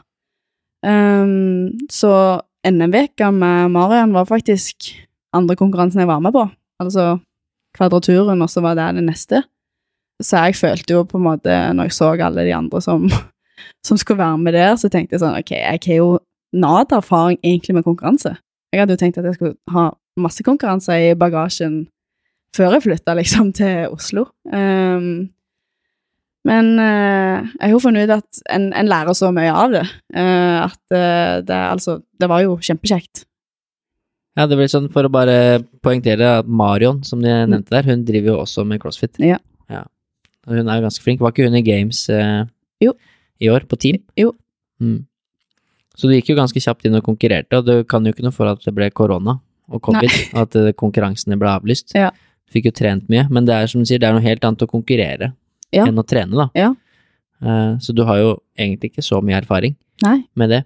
Jeg har jo sånn fulgt med på CrossFit men mest på de som har vært på en måte games, Mm. og de aller beste. Mm. Og så har jeg fulgt med ekstra mye etter at jeg nå ga meg litt med håndball, begynte med crossfit. Og da fikk jeg jo fort også høre om Ane Randa, og det var en del som ikke hadde hørt noe før, at liksom, hun er god. Mm. Vi skulle jo ha en konkurranse hos oss, og sånn forskjellige ting, og eh, prøvde å finne ikke nødvendigvis de aller beste, for de var vi ikke interessert i heller. Vi ville liksom ha de som er litt under, men som fortsatt er bra. Mm. Uh, og da var jo du med på vår første konkurranse når vi åpna boksen vår i Asker, som du vant Ja. individuelt, og der var det veldig mange gode Eneste seier. ja, Der var det veldig mange gode jenter som var med. Ja. Uh, så du er jo ålreit individuelt også, selv om du har vært med på mye team her. Ja. Det er jo Det var vel um, Hvis vi går ett år tilbake i tid, da. Det som da blei NM til slutt, i 2021, det var første individuelle konkurranse. Mm. Så det var det mye nerver knytta til, for da Det har jeg sagt til deg før, at eh, jeg syns crossfit minner meg litt om summing. eh, og ja, få litt tilbake de følelsene som jeg hadde da. Um, men på en måte så tror jeg òg at jeg har lært mye ifra det, for dermed jeg ikke følte det sånn når jeg sumte og på en måte følte at eh, her er jeg null kontroll på hodet mitt. Så klarer jeg på en helt annen måte nå å kontrollere de nervene, og jeg har jo gjort mye mer nå på egen hånd òg for, for å klare det, da. Mm. Um, men uh, hvordan ting har du gjort på egen hånd? For å klare det? lese. Ja. Eh, visualisere. Mm. Uh, prøve å tenke på de tingene som jeg kan kontrollere, og de tingene som jeg ikke kan kontrollere. Eh, og snakke meg sjøl opp, og ikke ned. Altså, det er, der er veldig mye forskjellige cues, eh, og jeg sier ikke at jeg er den beste på det, for jeg er fortsatt dritnervøs når jeg kan være nervøs før bare ei trening som jeg gruer meg til. Men jeg tror jeg er mer trygg på meg sjøl. Og ja, har liksom sant? Nå har jeg jo konkurrert en del av både Jeg kan ikke si jeg har konkurrert en del individuelt, men det har iallfall vært NM, da. Og så har det vært Actic. Um, og ellers litt team med NM-veker og sånn. Men uh, nei, jeg tror alderen har nok en del å si òg. Jeg var liten når jeg holdt på med den svømminga. Mm. Men jeg er liksom mye mer opplyst da om, sånn som jeg sa, med, med mentaltrening og hvordan tenke og hva jeg sier til seg sjøl og alt dette her, som har mye å si. Men som en aldri blir utlært på, da. Det er jo Definitivt ikke utlært, men Nei. man kan jo plukke opp eh, verktøy, som du sier. Ja. Alt fra å prate med folk som er gode på det, til Mm. å snakke med sikkert andre som konkurrerer, og som kjenner på det samme. mm, Og ikke minst lese og visualisere, og det finnes jo mange ting. skrive sjøl. Skrive ned, ja. Mm. Snakke deg sjøl opp. Ja. Det er jo helt sånn banale ting, Ja. men som er veldig viktig. Ja. Kristin husker jeg fortalte om det i sin episode, Kristin Holte, som var den beste crossfitteren i Norge i mange år, Mm, at hun hang jo opp lapper rundt i leiligheten sin. Mm, Ble nesten helt syk i hodet og, ja. og for å snakke opp seg selv, da. Mm, For å se det hele tiden. mm, Og det høres jo teit ut, men samtidig så For henne funka det jo veldig bra. mm, Og det er, det er mange jeg har hørt om som har sånn type rutiner og vaner at de Hun skrev 'Kriger i hånda'. Det er eh, mm, Anja Edin som har vært med her, som var veldig god i håndball i mange år, skrev jo at hun var fearless da, ja. på armen, hadde svettebånd og sånne triggere som minner deg på ting, da. Ja. Det finnes jo mange måter å, å gjøre det på. Mm, Og så syns jeg alltid det er gøy å snakke om det med selvtillit, selvfølelse. Du sa nå at er, du er nok litt tryggere på deg selv. mm, Ja, fordi at du er eldre, du har opplevd ting, eh, du har gått gjennom ting i livet. mm, Eh, som for meg er liksom selvfølelse, at du er trygg på hvem du er, mm. hva du står for, liksom hvilke verdier du har, hva som er viktig for deg og sånn. Men selvtillit kan jo være annerledes. At du Hvis du er hands down walk, mm, så har du ganske god selvtillit på at det får jeg til. Ja. For det veit du. Ja. Men uh, i en konkurransesetting så er selvfølelsen viktig òg. Ja. Når du står der helt aleine. Uh, det er to litt forskjellige ting som sklir over i hverandre, da. Ja. Som jeg alltid syns det er interessant å prate med folk på. Mm, Så at du har blitt tryggere på deg selv som person, gjør deg jo definitivt til en bedre utøver. Ja. Eh, Så det er jo, blir morsomt å se litt veien din videre nå i CrossFit, da. ja. Vi skal snakke om det helt på slutten. Mm, Litt mål for framtiden, mm, hvor det også blir litt team. Ja. Uh, Men du gjorde det jo ok i NM i år, eller du syns sikkert ikke sjøl at NM gikk så bra i år. Nei. Uh, Men du ble jo nummer 18 eller 17 eller 18 eller noe sånt. Ja, jeg vet ikke hva det ble til slutt, men uh, Topp det- 20. Det kan vi si. Du skrev i din søknad til Team Actic at du hadde lyst til å bli topp 10. Ja. Og så er det litt skadelig. Torde jeg å skrive topp 10? Ja, Ja. For Jeg jeg har har, sagt til meg sjøl topp 15 før NM, men det er greit. jeg har din søknad Mm, framfor deg. framfor meg nå, Ja. til Team Actic. Jeg hadde god sjøltillit da. Ja, du skrev mye om deg sjøl, og vi hadde et sånt eh, et søknadsskjema som alle som ville være med, skulle fylle ut. Mm. Styrkene dine, svakhetene, ønsker og drømmer og målsetninger. Hvordan hverdagen din er og sånn. Mm. Uh, og da skrev du jo, kan du kanskje ikke huske sjøl, Helt sikkert ikke. På målsetninger og, og drømmer, så starter du litt sånn forsiktig, sånn som alle crossfit-utøvere. Jeg vil bare bli så god som jeg kan, Ja. og så får vi se hvor langt det rekker. Mm. Som for så vidt er sant, da. Mm. Og så skrev du at det langsiktige målet er stort, Mm. men vi skal jo drømme stort, ikke sant? Spørsmålstegn. Hovedmålet er å en gang få konkurrere i games. Mm. Enten om det er på team eller individuelt. Mm. Og CrossFit Games er jo liksom VM i CrossFit. Mm. Det er de alle de beste er. Men det langsiktige målet ditt er å en gang få konkurrere i games. Ja. Nå er det jo et halvt år siden du sendte den søknaden her, men Mm. eh, det er jo stor, et stort mål. Ja. En drøm. Ja. Hvor, kan du si noe om det? Um, jeg tror nok at alle de som på en måte bruker mye tid på crossfit, og tenker at dette er, hvis en kaller seg en satsingsutøver, da, så er jo det det som er det største å være med på. Ehm, og det er jo et nåløye, men en ser jo nå på, på games som var, at det, det var liksom Hva okay, ble det? Fire norske lag som var med, uh, og altså flere individuelle. Uh, det er jo mye mer norske enn det har vært noen gang, uh, og en på en måte ser at nivået i Norge er bra, da, eh, og at det kan være mulig. Så det er på en måte vanskelig å si Hvis en skal si et stort mål eller noe som en drømmer om, så vet jeg på en måte ikke hva annet innenfor crossfit det skulle vært. Det er på en måte det kuleste som en kan være med på, da. CrossFit Games, ja. Mm. Ja, uten tvil. Og det er som du sier, det er mange gode fra Norge, men som igjen viser at det er fullt mulig Ja. eh, å være med på det. Mm. Det er sånn eh, Ingrid Hodnemyr igjen, da, for å nevne henne, ble jo, har tatt sølv to ganger på rad Mm. med team. Eh, og det er ikke så mange år siden hun begynte med crossfit heller. Nei. Så det, det kan gå fort. Ja. Og det er litt som du sier, det er tilfeldigheter og nåløy og Ja. sånne ting alltid i toppidrett. Uh, og vi skal snakke om det nå hvert øyeblikk etterpå, men jeg syns det var litt gøy å ta fra den søknaden din. Ja. For du har skrevet masse. Så jeg har litt info på deg. Jeg burde Søren egentlig, at du hadde det. jeg burde egentlig tatt, tatt fra den her litt før. Ja. Uh, men vet du hva du skrev på styrkene dine? Mm, var det styrka sånn i forhold til meg som person, eller var det mer sånn crossfit-relatert? Det var sånn crossfit-atlet. Um, Det er jo enkelt å svare på. hands and pushups. Ja, du skrev at du var flink på alt opp ned. Ja. Uh, gymnastics generelt, da. Ja. Og du er opptatt av å gjøre mer av de tingene som får deg, til, som får deg bedre rusta til å prestere. Mm. Det står at du leser, hører på podkast, gjør ting for å bli bedre mentalt, Mm. Og prater mye om det åpent. Mm. Og det gjør du jo nå også i den poden her, Ja. som er fint. Men så skriver du også at uh, som nevnt tidligere har jeg hatt kneskader helt siden 2015 og operert til sammen seks ganger. Mm. Og så, når jeg var på Oslo Throwland for ah, to-tre uker siden, Mm. så møtte jeg deg, Mm. hvor jeg, du ville gi meg en high five, og jeg ga deg en klem, forresten. I dag er det jeg deg en klem, da. I dag ga du en klem. Ja. Så ble jeg litt sånn usikker på om det var greit eller ikke. Var det det Så ble det en morsom greie.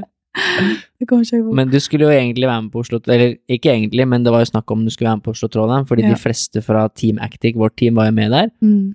Og du kunne jo selvfølgelig definitivt vært med der og, og hevda deg og gjort det bra, Mm. men da sa du at du sleit med skader. Ja. Både skulder, også dette kneet, Mm. som du nå har prata om eh, at du har operert fire-fem ganger. Mm. Det preger deg fortsatt. Ja. Uh, og det visste jeg ikke. Det var det med, var poenget mitt, at jeg Mm. visste ikke at du hadde hatt kneskader, og jeg visste ikke at du hadde drevet med håndball. Nei. Så hvordan er det nå? Fordi du har jo tatt litt PRP, du har tatt litt behandling for kneet, Mm. uh, og akkurat nå så er det jo egentlig rehabilitering. Mm. Så hva er status nå? Og uh, Status nå er at for ca. et år siden så tok jeg blodplatebehandling i dette venstre kneet mitt, som egentlig har plaget meg av og på uh, helt siden jeg skada det for første gang. Fordi jeg har prøvd veldig mye rehab, jeg har prøvd altså massasje av uh, muskulatur rundt Uh, Altså, jeg har jo Kristoffer, kjæresten min, som er kiropraktor, som Ja, jeg har hatt utallige behandlinger på det, Uh, men jeg, jeg føler på en måte at jeg, jeg har kommet ingen vei, og jeg får ikke gjort de tingene som som eh, trigger det kneet mitt, da. Eh, og det har jo gjort at trening Altså, det blir veldig amputert når du har et kne som ikke vil det som jeg vil. Eh, det er veldig mange øvelser i crossfit som stiller krav til at kneet må fungere. For litt sånn når jeg starta med crossfit, var det litt sånn Å ja, men her kan jeg jo gjøre masse annet fordi jeg ikke bruker kneet mitt. Men etter hvert, når jeg begynner å se at ok, jeg må få til dette, jeg må få til dette, så må en gjøre squats, altså knebøy. Uh, en må hoppe tau, en må springe, alle disse tingene her. Um, og støt og bøy er noe av det verste jeg kan gjøre for kneet mitt. Så jeg har jo vært drittlei det kneet lenge. Men i fjor så var det sånn ok, jeg begynte å høre om blodplatebehandling, og at det kan funke, for det er i hovedsak menisken som har plaget meg nå. Uh, tok det. Eh, ikke så lenge før egentlig open og kvartfinaler og semi og sånt. Um, før sesongen egentlig CrossFit begynner, da. Og det funka. Jeg har aldri kunnet gjort så mye av alle disse tingene tidligere, og jeg følte meg liksom som som en ny person. Jeg så var sånn Oi, shit, er det sånn det er å ikke ha vondt i kneet? Men med det volumet som jeg har uh, i, i crossfit, så er det normalt at dette funker i ei viss tid, og så kommer de smertene tilbake igjen. Så siden, si, februar-mars, så, så er det vært tilbake til det samme igjen. Det er liksom hele tida må tilpasse at jeg ikke gjør for mye av det, fordi da kan jeg ikke gjøre det, og så har jeg vondt da, og så kan jeg ikke gjøre den økta heller. Og det fører jo til at en trener mer av andre ting. Altså skulder. Mange sliter med skulder. Jeg har hatt vondt i skulder sjøl eh, tidligere, uh, men nå fikk jeg en litt større skulderskade enn tidligere, fordi at den mest sannsynlig er blitt overbelasta, da. Uh, så det er jo det som har vært litt sånn i det siste, at ok, jeg, det er kneet nesten sånn jeg ikke ser på som en skade lenger, for jeg føler det er bare en del av meg. Det er liksom ikke noe jeg snakker om til folk hele tida, fordi at jeg blir så vant med at sånn er det bare. Men så kom den skulderen i tillegg, og da blir en jo ganske mye mer hemma når en har to ganske store ledd som egentlig bør gjøre ganske mange øvelser. Så eh, jeg tok da for et par uker siden eh, blodplatebehandling i kneet igjen, og har egentlig måttet hatt det ganske med ro. eh, jeg er i tillegg sånn som de kaller bone bruise, egentlig, eh, inni øverste delen av eh, blir egentlig skinnleggen, da, så det blir jo inni kneet. Um, så det er jo noe som for at en skal unngå krykker og skinner og sånn òg, må ta litt med ro. Uh, det er egentlig eneste som kan hjelpe. Det har ikke blitt mye hopp og sprett og squats i det siste. Uh, hvis jeg skal være klar til sesongen som er, så er det bare sånn det må være akkurat nå. Og mye skulder-rehab. Så det er egentlig ståa nå, og det er sjukt kjedelig, men sånn er det. Det er en del av å være toppidrettsutøver, Ja. Å ha skader. Mm. Det er veldig kjedelig med de skadene som Det er kjedelig uansett, Ja. men det er kjedelig med de som du føler at nå er det ikke, som du sier, en skade lenger, det bare er en del av deg. Ja. Det kneet. Det er sånn det er, og så Mm. må du deale med det. Så er det så irriterende når det er sånn Den skulderen vet jeg at jeg kan gjøre rehab-øvelser for. Det kneet er litt sånn En har prøvd så mange ting, og så er det på en måte ikke noen øvelser jeg kan gjøre sjøl. Det er ikke noe jeg kan gjøre utenom å på en måte være i ro, som jeg iallfall egentlig ikke vil. Nei. Som kan gjøre for at det blir bedre. Så Nei, det er Det er dritt. Det er dritt, ja. Ja. Du, har, du har nylig tatt bilde av kneet også, Ja. for å se litt hvordan ting ser ut og sånn. Ja. Og så har du tatt eh, eh, PRP-behandlingen, da, som Mm. du sier, Mm. Som har funka for mange. Og igjen, da, fra, i håndballverden så er dette veldig vanlig, Mm. å ta sånn type behandling. Og da jeg var i Romania, så var det helt, helt sjukt. Da var Ja. det var PRP ja, hver andre, hver tredje måned Ja. på veldig mange spillere, da. Ja. Så da var det bare sånn tog av spillere som gikk inn og skulle ta sprøyte. Ja. Eh, være i ro i én til to dager, og så trene igjen. Mm. Og så to-tre måneder senere så må gjøre det samme, da. Ja. Eh, men det har funka for veldig mange, da. Ja. Eh, spesielt også med folk som har hatt litt sånn bruskproblemer og sånn. Mm. Så det er jo lov å håpe at det, det er noe som kan hjelpe deg, da. Håper det hjelper nå igjen, At du kanskje må gjøre det litt oftere enn du Ja. har gjort. Ja, mest sannsynlig. Så det er det casen nå. Du Ja. har tatt PRP-behandling og er ganske rolig treningsbelastning akkurat Det er jo nå. litt på grunn av at det er, det er flere ting inni der Ja. som gjør at kne det, det trenger hvile, liksom. Mm. Så hadde det bare vært PRP, så er det som du sier, da kan jeg trent to dager etterpå. Ganske normalt. Men eh, hvis en går med ting litt for lenge og pusher litt for mye, som jeg mest sannsynlig har gjort, så tar det òg lengre tid etterpå. Det gjør det. så du er snart fysio sjøl, Mm. og du er sammen med en kiropraktor, men Mm. disse tingene skjer jo med dere òg, Ja. likevel. Ja. Det er litt typisk. det. Jeg husker også. Ingrid er fysio, er hun ikke det? Hun Jo. er fysioterapeut. Hun også har jo masse belastningsskader. Ja. så man er jo ikke så flink til å se seg sjøl. Nei, en vil gjøre alt, vet du. Ja. Føler hele tida en er lite tid. Ja, ja, og jeg skjønner det. Mm. Man er jo, i i hvert fall som håndballspiller, eh, og som crossfit-utøver også, men man kan jo være master og man kan gjøre mye greier, men det er en kort karriere, Mm. så man har jo på en måte litt dårlig tid òg. Mm. Og det er faktisk eh, det er litt sånn fun fact, eller hva man skal si. Det er noe jeg har jobba mye med, å liksom respektere de jeg jobber med, at, eh, at det er viktig for dem. At liksom respektere at det er en kort karriere. Mm. At det er faktisk eh, Når du er to, tre, fire, fem, 26 år og er håndballspiller, så, så er det en del ting som er viktig å tenke på. Men at dette skal du ikke holde med på for alltid, da. Mm.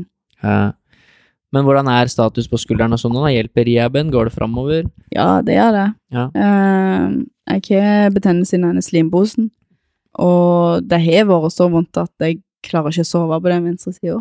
Men den var ikke så veldig irritert nå, Uh, sist når jeg tok ultralyd når jeg var med kneet.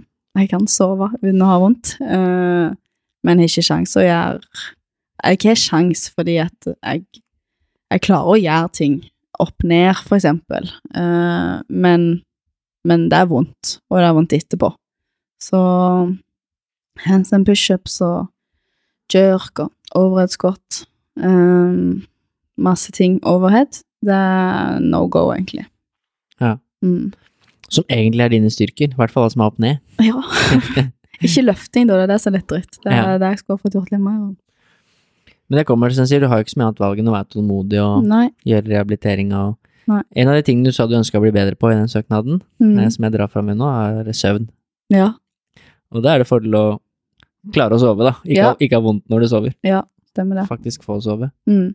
Men det er faktisk Nå husker jeg ikke når jeg sendte den søknaden det, men eh, altså etter sommerferien eh, skulle jeg begynne å skrive bachelor, og da var jeg ganske klar på at jeg skal ha rutiner i dette. Eh, så da var det liksom ned på trening, hjem og skrive, ned på trening igjen. Så jeg, jeg eh, Og legge seg i tide, fordi det er jo litt sånn Altså, jeg har en jobb bare utenom. Eh, jeg, jeg er avhengig av den søvnen for å Altså, med tanke på skader og, og alt. Klare å holde alle disse hjulene i gang. Da det kan jeg forsikre deg om at jeg har blitt bedre på det. Ja, så bra. Ja. Men det er jo som sier, det er en totalbelastning. Ja. Eh, Du jobber i tillegg, Mm. og neste år skal du ut i praksis Ja. som fysioterapeut. Ja. Det blir ikke noe mindre jobb da. Nei. Og så har man andre ting. Man har kjærester, og man har venner, og man har familie, og det er Mm. liksom totalbelastningen i bildet. Ja. Det syns jeg er interessant å alltid prate om med CrossFit, og som er noe av det som har gjort at jeg faktisk har begynt litt med det, er jo Mm. Helheten. Litt sånn få flere mennesker til å bli interessert i CrossFit, rett og slett få sporten til å vokse. Mm. Og da er du avhengig av bredde. Mm. Sånn er det i de aller fleste andre idretter i Norge som er store. Ja, det er folk som er gode, men det er størst på breddenivå. CrossFit er fortsatt lite. Mm. Det er, det er nesten ingen som bryr seg om det Nei. i det store og det hele. Men man tenker kanskje det selv, fordi man ser, snakker med CrossFit-folk hver dag og tenker at alle er interessert i det. Mm. Men i store bildet så er det veldig lite, da. Ja, folk tror det er sirkeltrening. Folk, eh, det er fortsatt umulig å forklare til folk hva CrossFit er. Ja. De skjønner ikke. Ja. Og det er en veldig ung sport. Den har ikke eksistert så lenge. Uh, sammenlignet med andre sporter i Norge som er store, som fotball og ski og håndball og sånn som folk har drevet med i mange, mange, mange år. Så en ting er den bredden, og det skal vi ikke snakke så mye om i dag. Men noe annet vi har jobbet med, er jo sånn som med Team Actic, for eksempel. Gått inn for å prøve å sponse og hjelpe lite grann uh, Mm. utøvere som er gode, som Mhm. ikke nødvendigvis er landslag og i games og helt der oppe, men som, som er bra, og som har potensial, og som kan bli veldig bra. Hvordan er det for deg? Fordi du skrev jo litt i den søknaden om det, og du er ikke aleine om det. Egentlig mm. alle som søkte, skrev jo det at man, man føler seg litt alene, på en måte. Hvis man ikke er en av de aller, aller beste, mm. så er det ikke så mye hjelp å få. Nei. Det er vanskelig å få sponsorer, det er vanskelig å tjene penger, det er vanskelig å rett og slett satse på idretten. Ja. Så i liksom noe samråd med det du sa nå, med at du må studere, trene, overbelastningsskader, ditt og datt, mm. alle disse tingene blir jo òg enklere hvis man har en hverdag som er mer tilpassa for en toppidrettsutøver. Mm. De jeg jobbet med for eksempel i håndball, de trener også på morgenen, mm. men så har de fri i åtte timer, Ja, og kan sove i to av dem. sant. og så trener de en gang til. Ja. Mens du da jobber i de åtte timene, Ja. hvor de hviler. Mange av de som studerer og velger å gjøre det og sånn også, altså for å ha andre ting å tenke på, men mm. eh, hva er dine tanker rundt det? Liksom, med, Um, det er vanskelig å leve av den idretten sånn som det er nå. Ja, Mm. det er det jo. Men jeg har hele tida tenkt sånn at jeg visste, alltid visste at jeg ville ha en utdanning, og jeg bestemte meg ganske tidlig når jeg begynte å skade knærne for at ok, fysioterapi, det ser kjekt ut. Um, så jeg visste at ok, jeg vil, jeg vil begynne på fysioterapi. Um, jeg vil bli ferdig med det. Uh, og så må jeg nesten se etter det. Altså, vil knærne mine fortsatt holde på med håndball? Nei, håndball, sier jeg.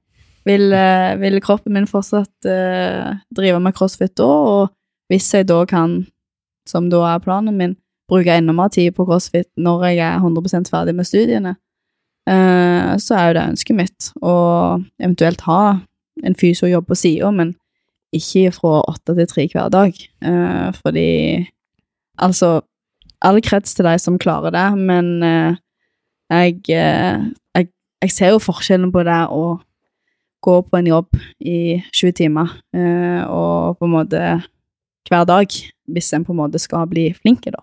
Så, så, så krever det en del.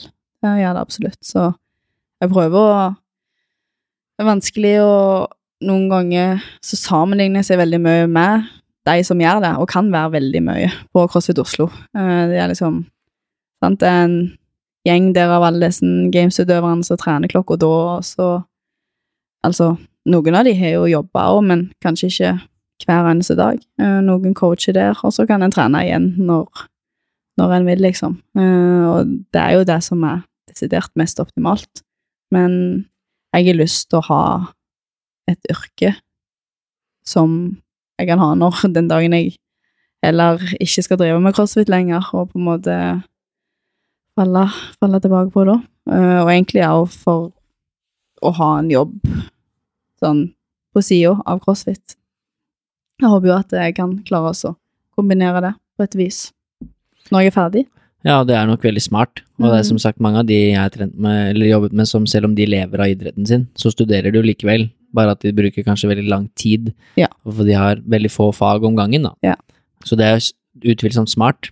Jeg tenkte litt mer på liksom hva du hvordan du ser på mulighetene for liksom det med å skaffe seg sponsor og alle disse tingene her, er jo mye vi har pratet om i, Ja. i Team Actic, og det er Mm. mange som syns det er vanskelig. Mm. Nå har det kommet flere på banen. Mm. Det er noen klesprodusenter, og det er noen energidrikker, og det er sånn forskjellige ting som i hvert fall kan gi ting dere trenger i hverdagen, av tøy og energi og ditt og datt, og kanskje litt små summer her og der, og dekke noen reiser og sånn. Mm. Eh, Du hadde jo mamma og pappa, når, Ja. jeg spurte, når jeg spurte om du hadde noen private sponsorer en gang, som du skulle ha på jakka di. Ja. Ja, du kan sette opp mamma og pappa, Ja. skrev du. Det er stort sett vært det, da. Ja, og ikke noe mer. Nei. Eh, Så har det kommet litt mer etter hvert, men mm. Hvordan kan du si noe om det? Hvordan er det, liksom? Er det noe du jobber aktivt med? Syns du det er vanskelig? Eh, dette Med tanke på sponsorer og liksom få ting til å gå rundt, skulle jeg si. Ja, alt det der. Ja. Det er veldig mange haier i havet, holdt jeg på å si, der også, Ja. på CrossFit Oslo. Det er mange som er gode. Ja, ja. Mange som kanskje kjemper om de samme sponsorene også. ja. Og så er ikke jeg en sånn typisk person som vil sende melding til noen, og så Hei, kan du sponse meg med klær? Sånn, det er liksom Ja. Det, en føler liksom hele tida at jeg er sånn Nei, de, de vil jo ikke det. Selvfølgelig vil de ikke det. Men altså, klær er én ting, men jeg tror nok de fleste crossfittere syns at det er jo Altså, ting koster i denne idretten. Det koster å konkurrere, det koster å reise. Det koster mye. Og det er jo litt det som da var var meninga med Actigo. Um, sant? Når vi lagde det teamet der, at vi, vi fikk sponsa og reise på konkurranser, liksom, og eh, opphold og disse tingene her. Og hjelp med å skaffe sponsorer til de som ikke hadde det. Så ja, det, det er en dyresport. Det er det. Så for min del så det er jo som sagt mamma og pappa da som må hjelpe en del, og så er jeg jo en jobb på CrossFit Oslo på sida, så får litt iallfall. Så ja. Jeg skjønner at det er utfordrende å gjøre det, Mm. samtidig som du skal prestere. Fordi ja. det er jo litt som du sier, her, at du, du har jo et ønske, eller i hvert fall et mål, en drøm om å kunne konkurrere eksempel games. Mm. Og skal du opp mot de beste, så, så er det vanskelig hvis eh, de tilnærma lever av det, mange av de du konkurrerer mot. Ja. Eh, og så gjør ikke du det. Mm. Så er det fortsatt mulig, men eh, det er klart det er fordel for alle hvis sporten blir større. Ja. Og hvis man får flere sponsor- og ressurspersoner på banen, Mm. større konkurranser, mer pengepremier, alle disse tingene som gjør at flere kan satse på det. Mm. Men likevel så skal vi jo prate litt om, eh, mot slutten etter hvert nå, litt personlige ting om deg. Du får noen spørsmål, Mm. se hvordan de er. Mm. Men jeg spurte deg i stad, har du noen mål liksom, for neste år med liksom, crossfit, da? Og da sa du at eh, du skal satse på team. Ja. Og da er det team med fire stykker. Ja. To jenter og to gutter. Mm. Eh, kan du si noe om det? Ja, eh, som jeg har snakket om tidligere, så er det jo Open som kommer på nyåret. Eh, det er en konkurranse som egentlig hvem som helst eh, kan være med på. Eh, den gjør han bare på sin lokale boks. Og så registrerer vi, som du sa, to gutter og to jenter som et team, og får en samla score da mot alle de andre i Europa. Og så ønsker vi jo da å komme oss videre til det som er kvartfinalen, og videre til semifinalen. Eh, det gikk bra i fjor. Og så er det jo Games som er det neste fra der, da, som fire andre norske lag fikk til året som har vært nå. Så planen for dette år er at eh, jeg skal være på lag med ei av mine bestevenninner, Synne Samset. Eh, og så er det Hans Henrik, som er en god kompis, og Håkon Leknes. Han var jo på et annet team i fjor og var i Games, så får vi litt erfaring der. Så det tror jeg er en, en veldig god gjeng. Ja, det er et bra lag, det er ikke noe Mm. tvil om. Mm. Eh, og så er det som du sier, gode venner. Ja, Eh, det er viktig. Det virker jo som for deg med dette med håndballen, og at det var flere, når du begynte med crossfit, så var det flere som drev med det og sånn. Mm. Det virker jo som at miljøet og det samholdet er viktig for deg også, Ja. med idretten. Ja. At det er kanskje en individuell idrett, men, men det er jo kulere kanskje når det er team og flere er med og, og gjør det samme som deg. Mm. Så det blir jo spennende å se ja, hvor langt dere kommer. Ja. Du må jo kanskje bli bra i kne og skulder og sånn først. Det er det første målet, Elo. Ja. Ja. Det er det første målet. Ja. Og det er jo et viktig mål. Skadefri, det blir jeg nok ikke, men Nei. til en viss grad. Sånn at du kan konkurrere, i hvert fall gjøre, gjøre det du trenger å gjøre Ja. for å være konkurransedyktig. Mm. Så det blir spennende å følge med på. Så skal du ut i praksis eh, som fysioterapeut. Mm. Oppi tur, det- opp- turnusår. Turnus oppi det hele. Ja. Og det er jo ikke bare bare det heller. Nei, det blir jo etter sommeren det, da. Men uh, jeg er jo i praksis nå, uh, ferdig snart. Og så etter jul nå, så blir det litt uh, skole, og så blir det praksis igjen. Men jeg har vært veldig heldig til nå og fått rettlagt veldig mye opp mot crossfit, og at jeg kan være i nærheten av Oslo-området, da. Um, så satser på at det går bra denne gangen òg. Det er mange andre som har fått det til, så må bare tilrettelegge så godt det går. Og det virker det som du er flink til å gjøre. Ja, Vi prøver. Og så har du jo, som du sa, du har vært inne på det, at du har en kjæreste som er kiropraktor, Mm. som også er relativt god i crossfit, som konkurrerer litt og Relativt god. Ja, vært med i Han har vært med i NM og sånn. Ja, ja. Altså, Ja. jeg vet ikke om det blir games på han, Nei. men uh, Han sier han begynte litt for seint, så ja. Ja. Men han er fortsatt god, og så er han jo interessert, i hvert fall. I, ja, ja veldig. I- Det må jo si, det. Ja, Mm. Så han vet jo litt hva det går i. Ja. Og det er viktig. Mm. Så jeg gleder meg til å følge med på veien videre som crossfit-utøver. Ja. Og teamet Mm. og se om vi klarer å lure med Synne Samset, som du nevnte i uh, podden også. Ja. Det hadde vært gøy. Det syns jeg. Ja, det syns jeg òg, men uh, vi får se. Ja. Det var mye, det. Ja. Hvor lenge tror du du har prata om deg selv og din historie nå? Mm. Litt over en time. Ja 1 time og 33 minutter.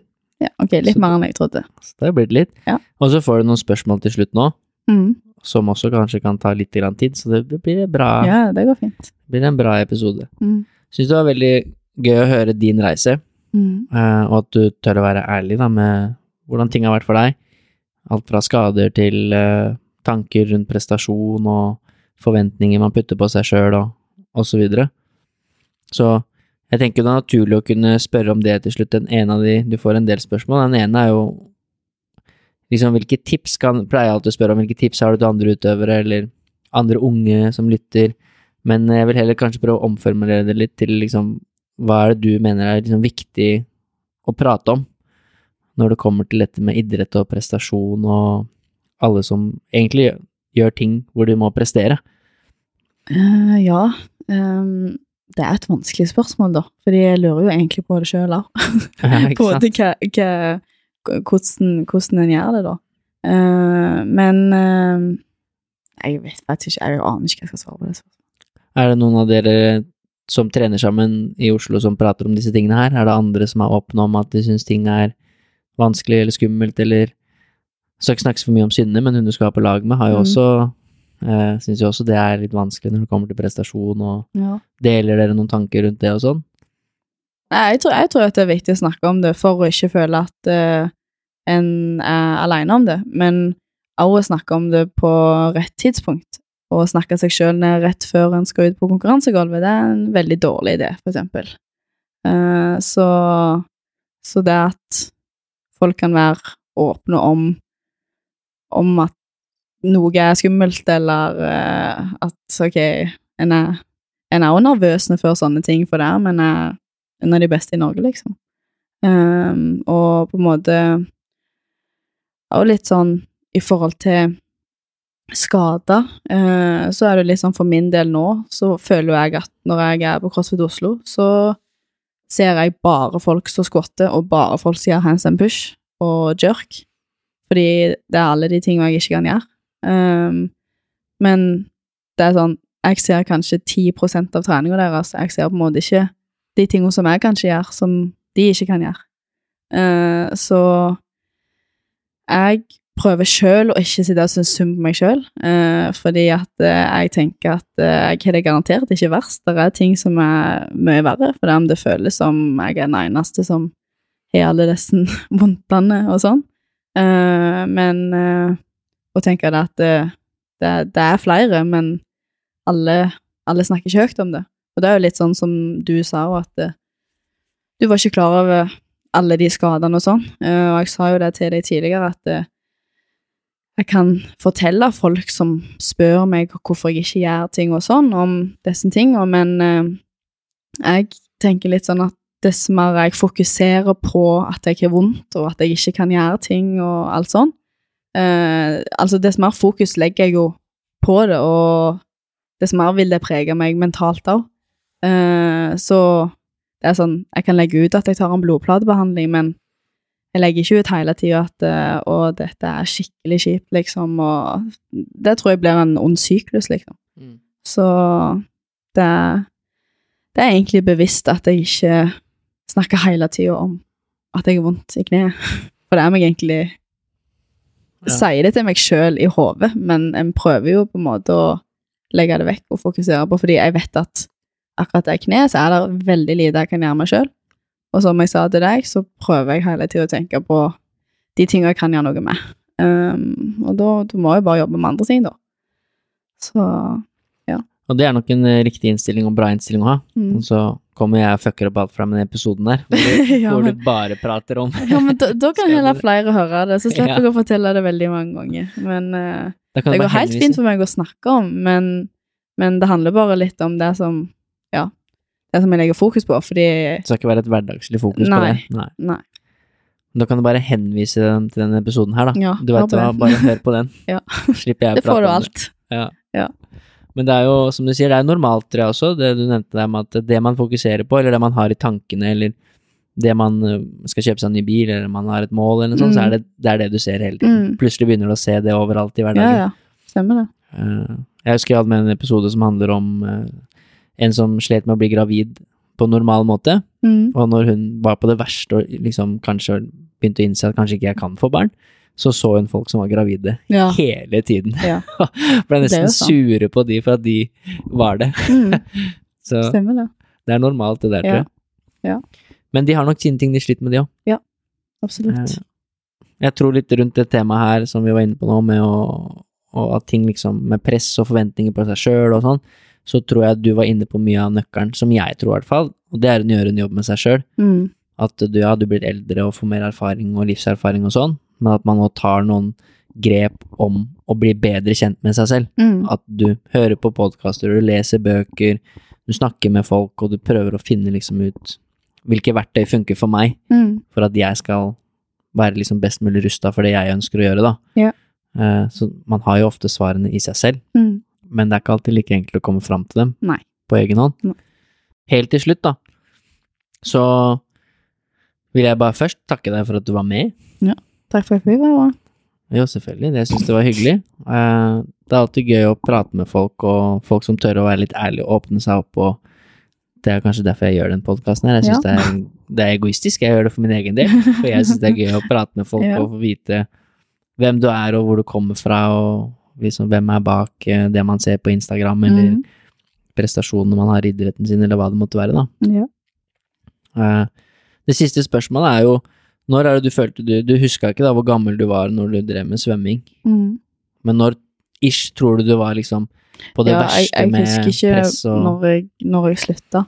Nei. Eh, men halve min Jeg vet jo egentlig når vi begynner liksom med konkurransesvømming og sånn.